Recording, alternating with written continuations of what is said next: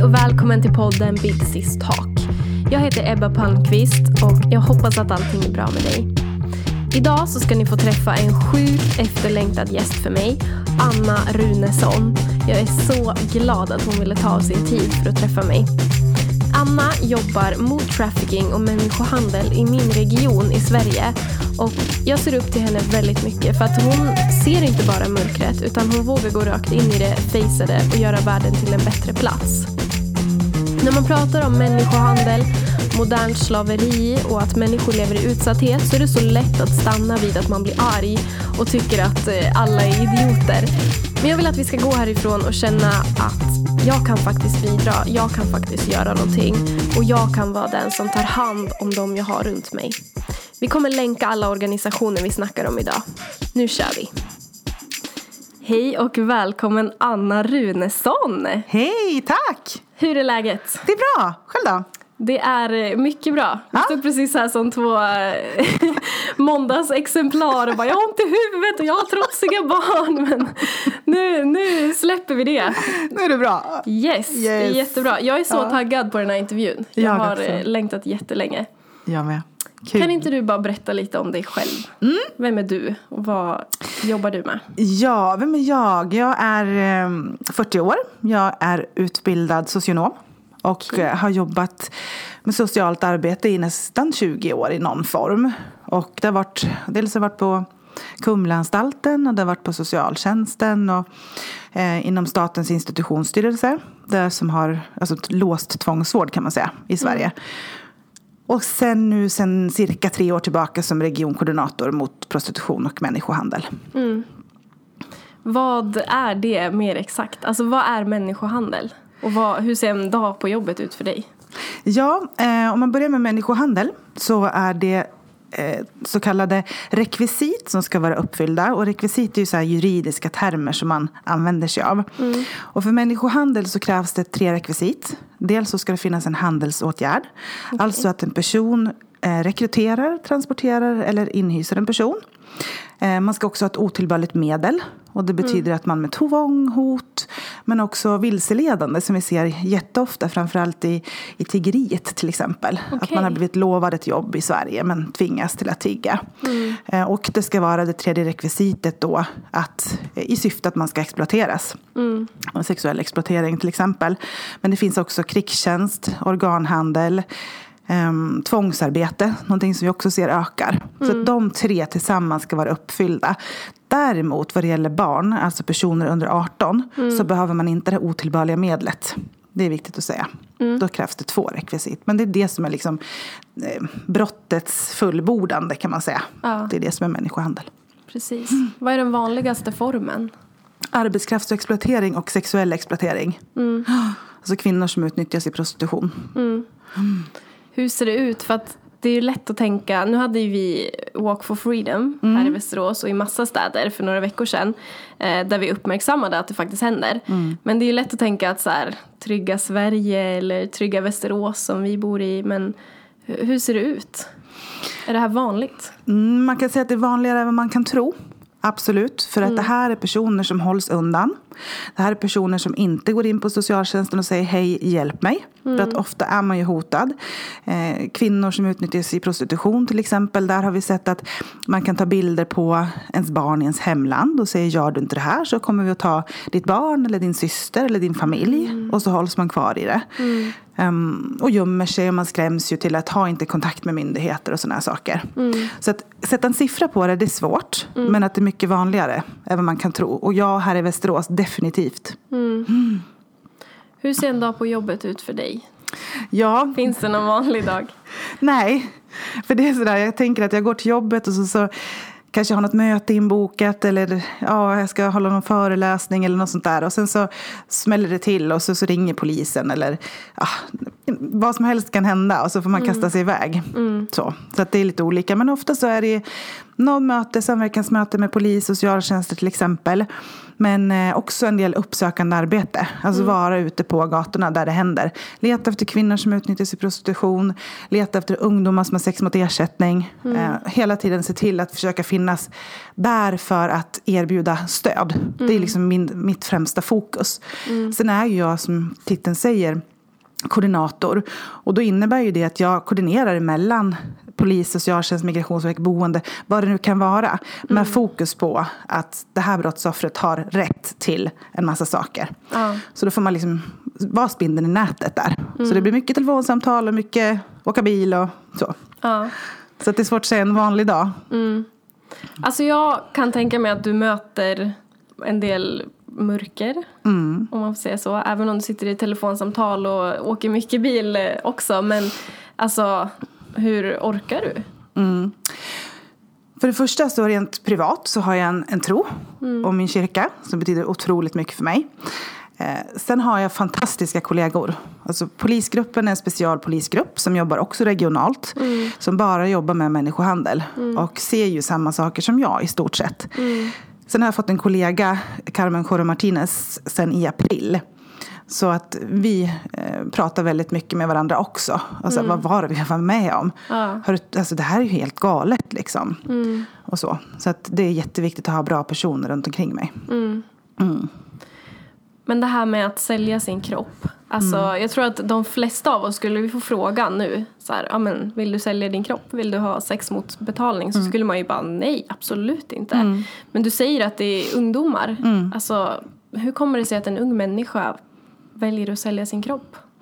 Eller är det ett val? Eh, man kan tro att det är ett val. Mm. Men om man säger så här, en person som kommer på att nu ska jag sälja min kropp för att jag tycker sex är så himla nice. Det är det ingen som gör. Mm. Nej. Utan då finns det andra anledningar som till exempel vårt statussamhälle idag. Mm. Alltså man ska ha de här coola kläderna, coola sakerna, mobilerna och så vidare. Mm. Och vill liksom ha det där som man tycker att alla andra har. Och då kan man komma till den här punkten att man blir så desperat att Nej, men jag, får, jag får helt enkelt sälja mig själv. Eh, sen finns det ju också en annan viktig punkt som säger, jag ska också säga både pojkar och flickor. För man tror ibland att det bara är tjejer, men det är också pojkar. Vi får inte glömma dem. Eh, en del i det här är ett eh, självskadebeteende. Okej. Att man har tidigare självskadat i form av att man har skurit sig, ätit glas eller whatever. Och sen så byter man ut det till att sälja sin kropp. Alltså det blir en ångestdämpning. Hur konstigt det än låter så är det så. Eh, Det är ju några av anledningarna till att man kan hamna i det. Men de här, för att eh, i mitt huvud så känns det som att det finns två grupper, det finns ju säkert tusentals. Men man ser ju, du nämner ju till exempel tiggare eh, och man ser ju de, när det är typ på tv och man ser någon prostituerad eller någon som säljer sin kropp på gatan så är det ju folk som inte pratar svenska. Eh, som har kommit hit av någon anledning. Och sen nämner du de här svenska ungdomarna som eh, ja, men mår psykiskt dåligt och behöver någonting för att döva det. Ehm, de som har kommit hit som inte är svenska ungdomar, vilka är det? Det är framförallt kvinnor från Rumänien och Nigeria som vi ser. Och då brukar vi säga att de befinner sig i den öppna prostitutionen. Och eh, för 20 år sedan när, när svenska sexköpslagen kom, då fanns ju de här kvinnorna på gatan. På Malmskillnadsgatan och så vidare. Det ser vi ju inte i samma utsträckning idag. Vi kanske har 200-250 i gatuprostitution. Men nu har det ju flyttat in på nätet, andrahandsuthyrningar, Airbnb och så vidare. Där säljer man sig från de lägenheterna. Men i grunden så är det ju extrem fattigdom som driver de här kvinnorna in i det här. Och det är samma sak där när man pratar människohandel. Så när man tittar på vart de här kvinnorna kommer ifrån och förstår deras utsatthet så förstår man också ganska snabbt att det är helt omöjligt att den här unga kvinnan tar sig på egen hand till Sverige för att sälja sin kropp. Någon måste, nu apropå det här, rekrytera, transportera, inhysa och så vidare.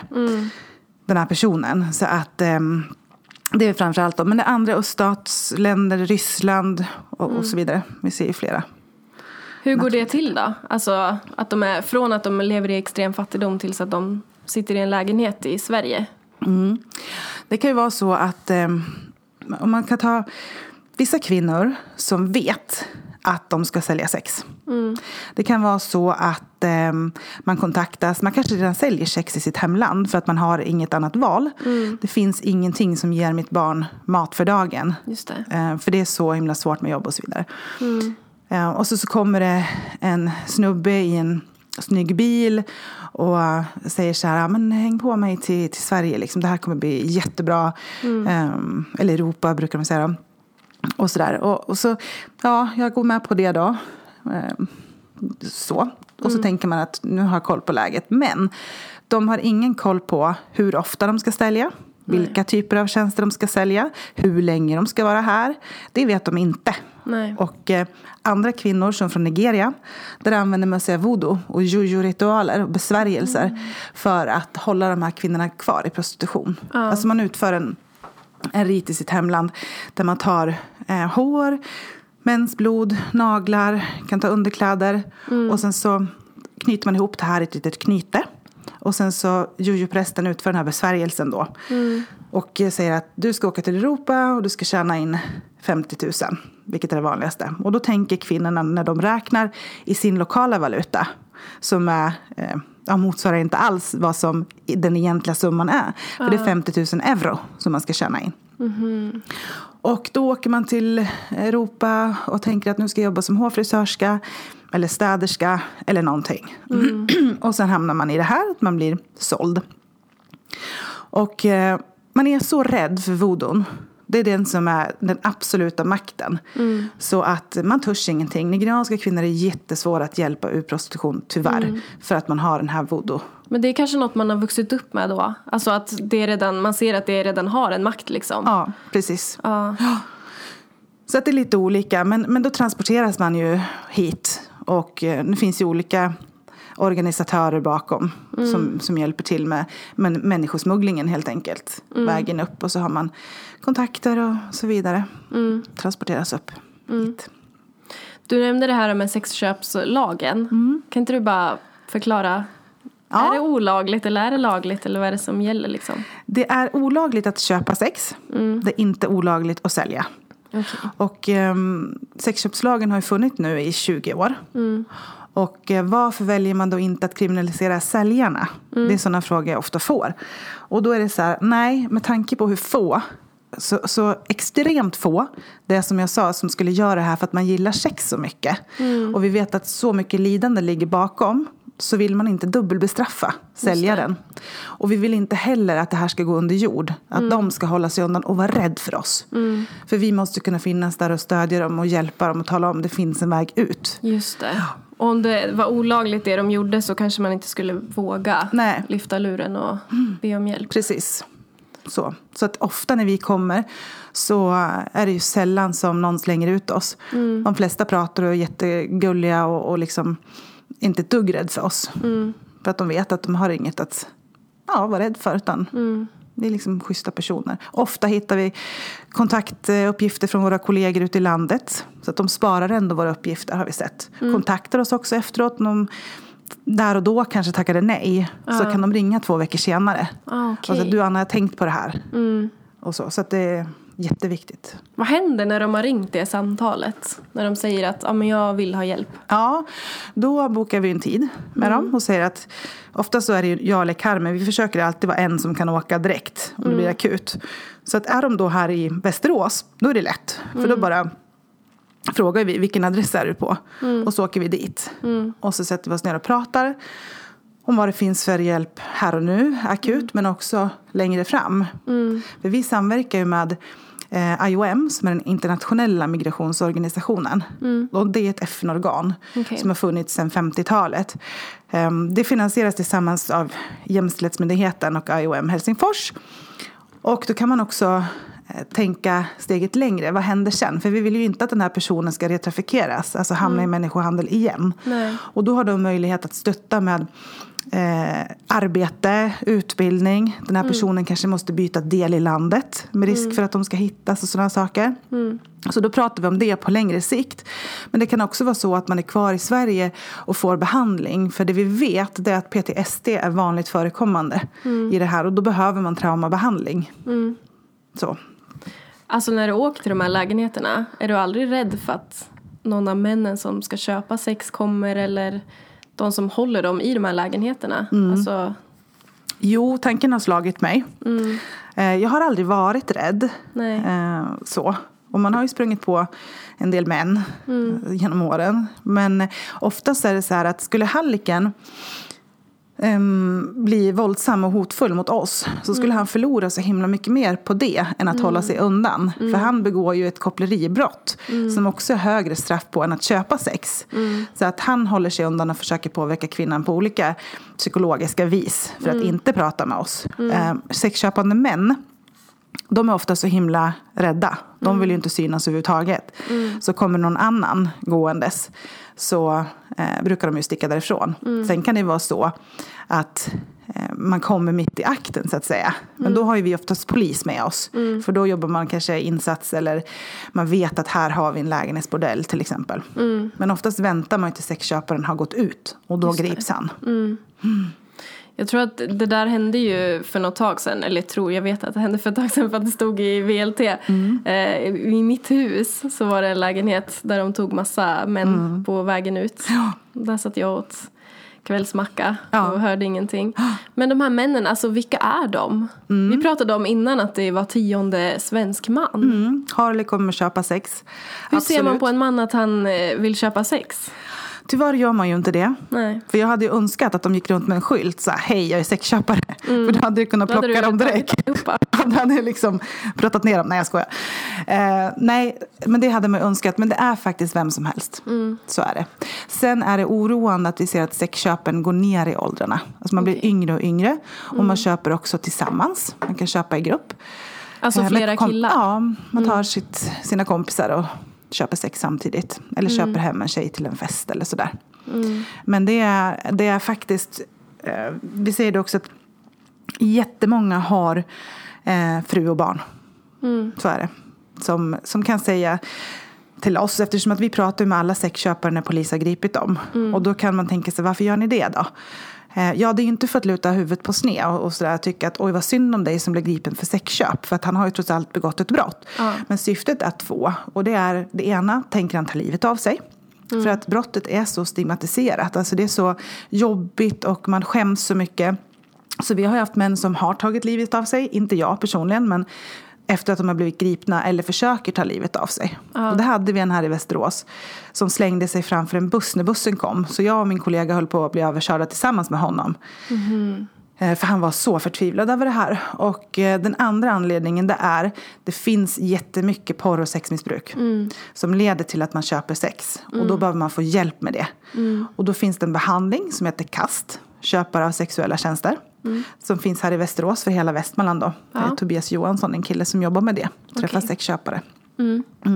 Den kan vi ju länka till sen också om man är nyfiken på vad det är. Mm. Absolut. Men eh, berätta mer om, eh, för det pratade vi om innan. Vad är sambandet mellan porr och sexköp? Ja. Ehm, det som är oroande, det är om man ska titta på porren i sig. Så säger man att ungefär 90 procent av porren innehåller våld. Och då pratar man kanske inte bara en så här eh, liten sån här touch-slap eller någonting. Utan det handlar liksom om grovt våld. Där man stoppar ner kvinnors huvuden i toaletter och spolar medan man utför massa sexuella handlingar på henne. Det handlar om stryptag. Det handlar om gagging. Ehm, och det här tittar liksom våra ungdomar på. Och det man har sett i forskning då, det är att porren påverkar belöningssystemet i hjärnan. Precis som droger, alltså alkohol gör. Och då vet vi också med droger och alkohol, vad gör det med vår kropp? Jo, man får ökad toleransnivå. Det gör även porren, så man söker ännu grövre. Man kanske börjar kolla på barnporr eller djurporr eller sådana saker. Men det vi ser, det är att sexköpare också säger att eh, jag tittar mycket på porr. Vi tittar i deras telefoner, det är jättemycket porr. Ja. Och man vill göra det man har sett i porrfilm. Alltså min flickvän vill inte ställa upp på det här så då köper jag det istället. Och det ser man också när vi tittar på vilka tjänster som säljs. Så är det väldigt mycket våldsamheter som, som man ser. Och även verbala angrepp. Ungefär 50 procent av alla porrfilmer har verbala angrepp. Där man liksom hora, slampa, cum dumpster, ja you name it. Massa sådana. Och det, det är klart att det påverkar. För tittar man på porr när man är så ung som 11-12 år. Och sexualundervisningen ser ut som den gör. Ja. Och då får ju våra barn sexualundervisning från porren och för, tror att det är så här man ska göra. Vilket absolut inte. Nej. Det här handlar inte om verklighet. Det här handlar liksom om, om dokumenterad prostitution och övergrepp. Ja. Eh, så. Och det måste man ha med sig. För att man, som kille kan man förväntas och tänka sig att ja, men det här ska jag göra, för det har jag sett i porr. Och de kanske inte alls vill det. Nej. De kanske tycker det, det där såg ju skitläskigt ut. Men tänker att det här måste jag göra. Eh, och tjejerna tänker att det här ska jag ställa upp på. För det är ju så här det är. Ja. Nej, nej, nej, det är det inte. Alltså det skadar, verkligen. Så den kopplingen ser vi till, till sexköp. Just det. Ja, vi satt ju och pratade om det här innan. Att, eh, jag minns i sexan, då kollade ju alla på porr. Men sexualundervisningen i skolan var typ två veckor. Och det var typ så här, det här är en tampong. Det här är en kondom. Det är ju klart att man får lite skeva Ja. bilder av vad det handlar Ja. om. Jag tror verkligen vuxenvärlden behöver våga prata mer om sex och vad det Absolut. verkligen är för något. Absolut. Och framför allt det här, våra nya samtyckeslag som jag tycker verkligen är duktig på att sätta fingret på. Att du, du ska vara riktigt noga med att veta att din andra eh, alltså partner eller den som du träffar ska vilja detta. Alltså samtycke, samtycke, samtycke. Och just det här att känna att Gör ingenting som du inte vill. Gör Nej. ingenting som gör ont. Du har rätt att säga nej. Men många tänker att jag har inte det. För det förväntas att jag ska göra det här. Så att eh, nej, jag är orolig för det. Mm. Det här med porren, hur mycket av det som är porr, eller kanske svårt att säga exakt hur mycket, men är det många i prostitution som spelar in porr? Eller i liksom människohandel? Eller de, som, de man ser på filmerna, är Ja. de där frivilligt liksom? Nej, det är samma sak där. Alltså det här är ju också, man har hamnat i det här, eh, inte för att så här, hmm, nu, vänta nu ska jag säga, nu vaknar jag upp här en morgon och så funderar jag på, undrar om jag ska utbilda mig till läkare eller om jag ska bli prostituerad. Ja, jag blir prostituerad. Det låter bra. Alltså det är ju ingen som gör det. Nej. Eh, så man hamnar ju i det här av olika anledningar, återigen. Så det, det är ingen som vaknar upp och tänker, det här är mitt drömjobb. Nej. Nu ska jag spela in porr. Och det är också mycket kvinnor ifrån andra länder i porren. Just det. För att avsluta, eller avsluta, för att gå in på en lite mer positiv del av den här äh, intervjun. Vi som är unga idag, alltså kan vi göra något åt de här sakerna? Absolut. För att man blir ju väldigt arg känner jag. Ja, det blir man. Jag vill inte att var tionde man som jag känner ska gå och köpa sex. Nej, precis. Vad kan man göra?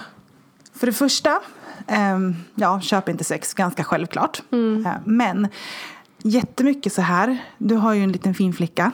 Just det här med att lära våra barn tidigt att så här, vad är bra värderingar? Sluta med sexistiska skämt. Sluta håll på så här, ursäkta någon att ja, men han håller ju på och bygger tre hus och har ju fem jobb. Det är inte så konstigt. Nej, det är aldrig okej att köpa sex till exempel. Men också så här, fundera på om du blir erbjuden en vara till exempel. Du, får- du ska göra naglar för hundra spänn.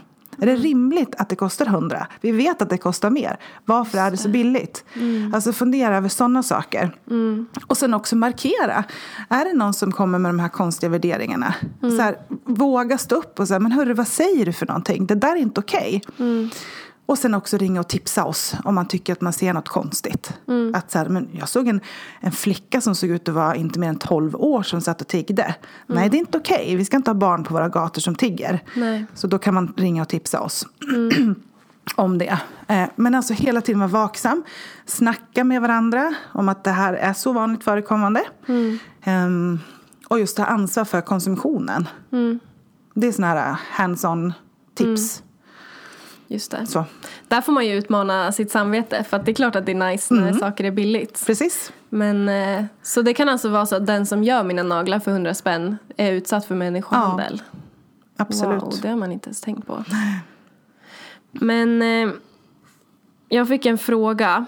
Eh, för att min nästa fråga är hur kan vi alltså, se till att vi själva, det har du ju lite svarat på, att så här, ja, men vi behöver så ner bra värderingar i nästa generation och liksom hålla utkik eh, över våra jargonger och sådär. Men hur kan vi se till att jag eller de jag har runt mig inte hamnar där? Alltså finns det varningssignaler när någon är på väg att halka snett? Eh, och frågan var då, ja men min vän eh, blir bjuden på middagar av en äldre man. Och jag tycker det är skitkonstigt. Men hon tycker inte att det är fel. Är det en varningsklocka? Absolut. Det är en jättevanlig eh, varningsklocka. Och det är ju det här du pratar om nu, det är ju trenden sugar dating. Där det kan vara så till en början att för själva begreppet är ju det. Att man ska ha sällskap då på middag till exempel mot en ersättning. Och sugar dating låter så gulligt. Ja, precis. Det låter jätteoskyldigt. Ja, precis. Och det är det som är, vuxenvärlden har inte fattat det här. De tror ju att det är något gulligt. Nej, nej, det är ren sexhandel. Så det ska man absolut vara vaksam på. Och tänker också så här som kompis att ställa frågor. Att, tycker inte du att det är konstigt att den här äldre snubben, vad har han för utbyte av dig? Varför sitter ni och chitchattar? Man, har- man är ju liksom på så här olika utvecklingsnivåer. Vad ska man prata om? Ja, det. Alltså det säger sig självt. Och sen också säga det, jag vet att det förekommer att man förväntas av sexuella tjänster. Vad säger du om det? Liksom, ah, men det har inte hänt mig. Nej, fast då, lite som jag sa tidigare, då tycker jag man ska fundera på att faktiskt prata med föräldrarna. Och så kanske det blir så här, vänskapsrelationen är pajad. Ja, fast i slutändan, du har hjälpt personen. Du har satt fingret på någonting som är skadligt, ovanligt och kan leda till att man blir utsatt för övergrepp. Och det kan ju vara värt ibland. Alltså jag har inte inom det här ämnet men bara så här andra vänskapsrelationer där man har fått säga sanningen. Ja. Typ så här, det du håller på med nu mår du inte bra av. Där man ändå kanske flera år senare får ett tack för att du Precis. såg mig liksom. Exakt. Så jag tror att det är värt att säga sanningen. Men det kan ju vara lite läskigt att stå där. Alltså både, eh, för att jag tänker det här med porr. Att så här, vet man att man har vänner som konsumerar porr eller man själv gör det. Eh, och man vill säga ifrån eller man vill säga ifrån det här med sugar dating eller vad det än kan vara. Det kanske är lite läskigt att stå och inte riktigt ha kött på benen. Om du förstår vad jag menar. Finns det, du nämnde att det finns jättemycket bra resurser och Ja, kan inte du bara nämna det. några och så länkar vi allt Ja. ifall man vill ha bra argument eller fakta liksom. precis. Vi har ju dels eh, porrfri barndom. Sen så har vi changing attitudes. Vi har tusen möjligheter. Vi har alla socialtjänster i kommunerna. Dit kan man också ringa anonymt och bolla om man behöver ha argument. Det går att ringa till oss koordinatorer såklart. Eh, och det finns andra bra hemsidor man vill veta mer om vad händer med de här kvinnorna till exempel. Då är det ju Talita som är en sån organisation Just det. och så. Men det finns massor med mer information att hämta. Och jag kan förstå att det kan vara jobbigt att stå där själv och tänka, överreagerar jag nu? Men jag kan säga så här att magkänslan har nästan alltid rätt. Så är det. Så gå på den och lyssna och liksom våga. Verkligen. För det här är extremt skadligt. Jag kommer ihåg någon annan gång när du pratade, jag minns inte riktigt när, men då sa du att eh, om det är någon som kanske aldrig har nya kläder och sen helt plötsligt har Precis. värsta märkeskläderna. Ja. Att det, kan, det är klart ens föräldrar kan ha fått ett nytt jobb men att det kan vara Mm. En varningsklocka liksom. Absolut, precis som du säger. Nya kläder, nya saker. Det kan vara så att man har flera telefoner. Att man har en så kallad torsklur och att man har en annan telefon. Det är konstigt, varför har du det? Så. Eller att man ser sin kompis med någon som är liksom asymmetrisk i ålder, att det är stor åldersskillnad och sådana saker. Försvinner på konstiga tider från skolan. Går bort på lunchen. Varför går hon och han alltid ut på lunchen? Håltimmar försvinner, men personen går alltid bort själv. Går inte och hänger med polarna. Vart tar du vägen någonstans? Ja, för vi vet att flera säljer sig under skoltid. Att man kanske går lite tidigare till skolan eller kommer hem lite senare så att mamma och pappa Okej. inte ska veta. Och då behöver man som kompis finnas där och säga varför går du iväg varje lunch? Vart är du någonstans? Mm. Och så snacka med lärare, fundera igen. Det finns ju skolhälsovård och sådana saker också. Att eh, liksom lyfta sin oro. Vad finns det om man känner så här, okej men jag vill verkligen, jag kanske inte känner någon som är utsatt men jag vill verkligen bidra. Alltså Mm. jag vill göra skillnad. Finns det något ställe du skulle rekommendera att man skickar en liten slant man har över eller vad är det Ja. bästa vi kan göra? Ja, precis. Jag tänker också stötta organisationer som Changing Attitudes, Talita till exempel. Ehm, och de, vi kommer ju länka till dem sen så att man ser det också. Det är ju det man kan, man kan göra eh, vad det gäller rent ekonomiskt. Så. Eh, och sen så tänker jag också så här att, att hela tiden ha med sig människans glasögonen. Och och så se sin medmänniska. För det är så många som inte ens idag säger hej till våra tiggare. Ja. Det vill jag också bara betona. Det är fortfarande en människa. Men svensken idag bara går rätt förbi Ja. och säger inte ens hej. Det var det ett stickspår. Men vi kommer ju länka till de här så sidorna. viktigt. Ja men absolut, jag tycker det. Det är en människa. Alldeles oavsett. Verkligen. Mm. Eh, sista frågan. Om man har lyssnat på det här och man känner att så här, oj, jag, eh, jag har redan problem. Mm. Eh, jag kanske har insett det förut eller så har jag insett det nu. Mm. Vad, vad gör man? ringer till oss koordinatorer som kan hjälpa för att höra också anledningen till att man kanske har börjat sälja sex, om det var där du menar, med sex mot ersättning. Ja, eller att man är på väg in. Man kanske har börjat träffa den här äldre Mm. Herren och fått massa grejer. Och, Ja, alltså man, jag kan tänka mig bara att man inte kanske helst går till sina föräldrar Nej. och berättar det direkt. nej. Och då kan man ringa till, till oss och socialtjänst och, och bolla det här. För det kan, ju vara, det kan ju finnas massa anledningar till att man har hamnat i det. Är det så att man har tidigare blivit utsatt för övergrepp som vi också vet att många har med sig. Eh, Man kanske har ett trauma som man behöver ha hjälp att bearbeta. Eller ett självskadebeteende. Eller kanske ett missbruk. Så måste man se vad är liksom roten till att det har blivit så här. och då det. måste vi koordinatorer säga det här är kanske barn och ungdomspsykiatrin. Det här är mera öppenvårdens socialtjänst. Eller vad det kan nu handla om för någonting. Så då kan man ringa oss och bolla. Men även socialtjänst såklart. Det, det kan man göra. Tack så jättemycket för att du ville komma. Ja, alltså, tack det här är ett komma. så himla viktigt ämne och jag är så imponerad av det jobb som du gör. Mm, alltså verkligen vardagshjälte deluxe. Ja, nej, det är mm, upp till kamp liksom. Och jag känner att jag har pratat på in och utandning nu. Men det här är så himla viktigt att få det här sagt. Ja. Jag tycker det är så bra att du uppmärksammar det här. Jätte, jättebra. Tack för att du ville komma. Tack. Du är grym. Ha det bäst. Det var. Tusen tack Anna för att du ville gästa Big Sis Talk. När vi blir stora så vill vi bli som du. Definitivt. Om du gillade dagens avsnitt så får du sjukt gärna gå in och ge den fem stjärnor på iTunes eller den appen du använder. Jag skulle bli så glad och inte minst för att det hjälper andra att hitta till podden och jag tror att vi har ett bra innehåll som andra kan må bra av att få lyssna på. Kom ihåg tjejer, sprid awareness om saker och ting. Våga säga ifrån när magkänslan säger att något är fel. Och våga bry dig om din vän så pass mycket att du ibland till och med är lite obekväm och säger sanningen. Ta hand om varandra. Love you!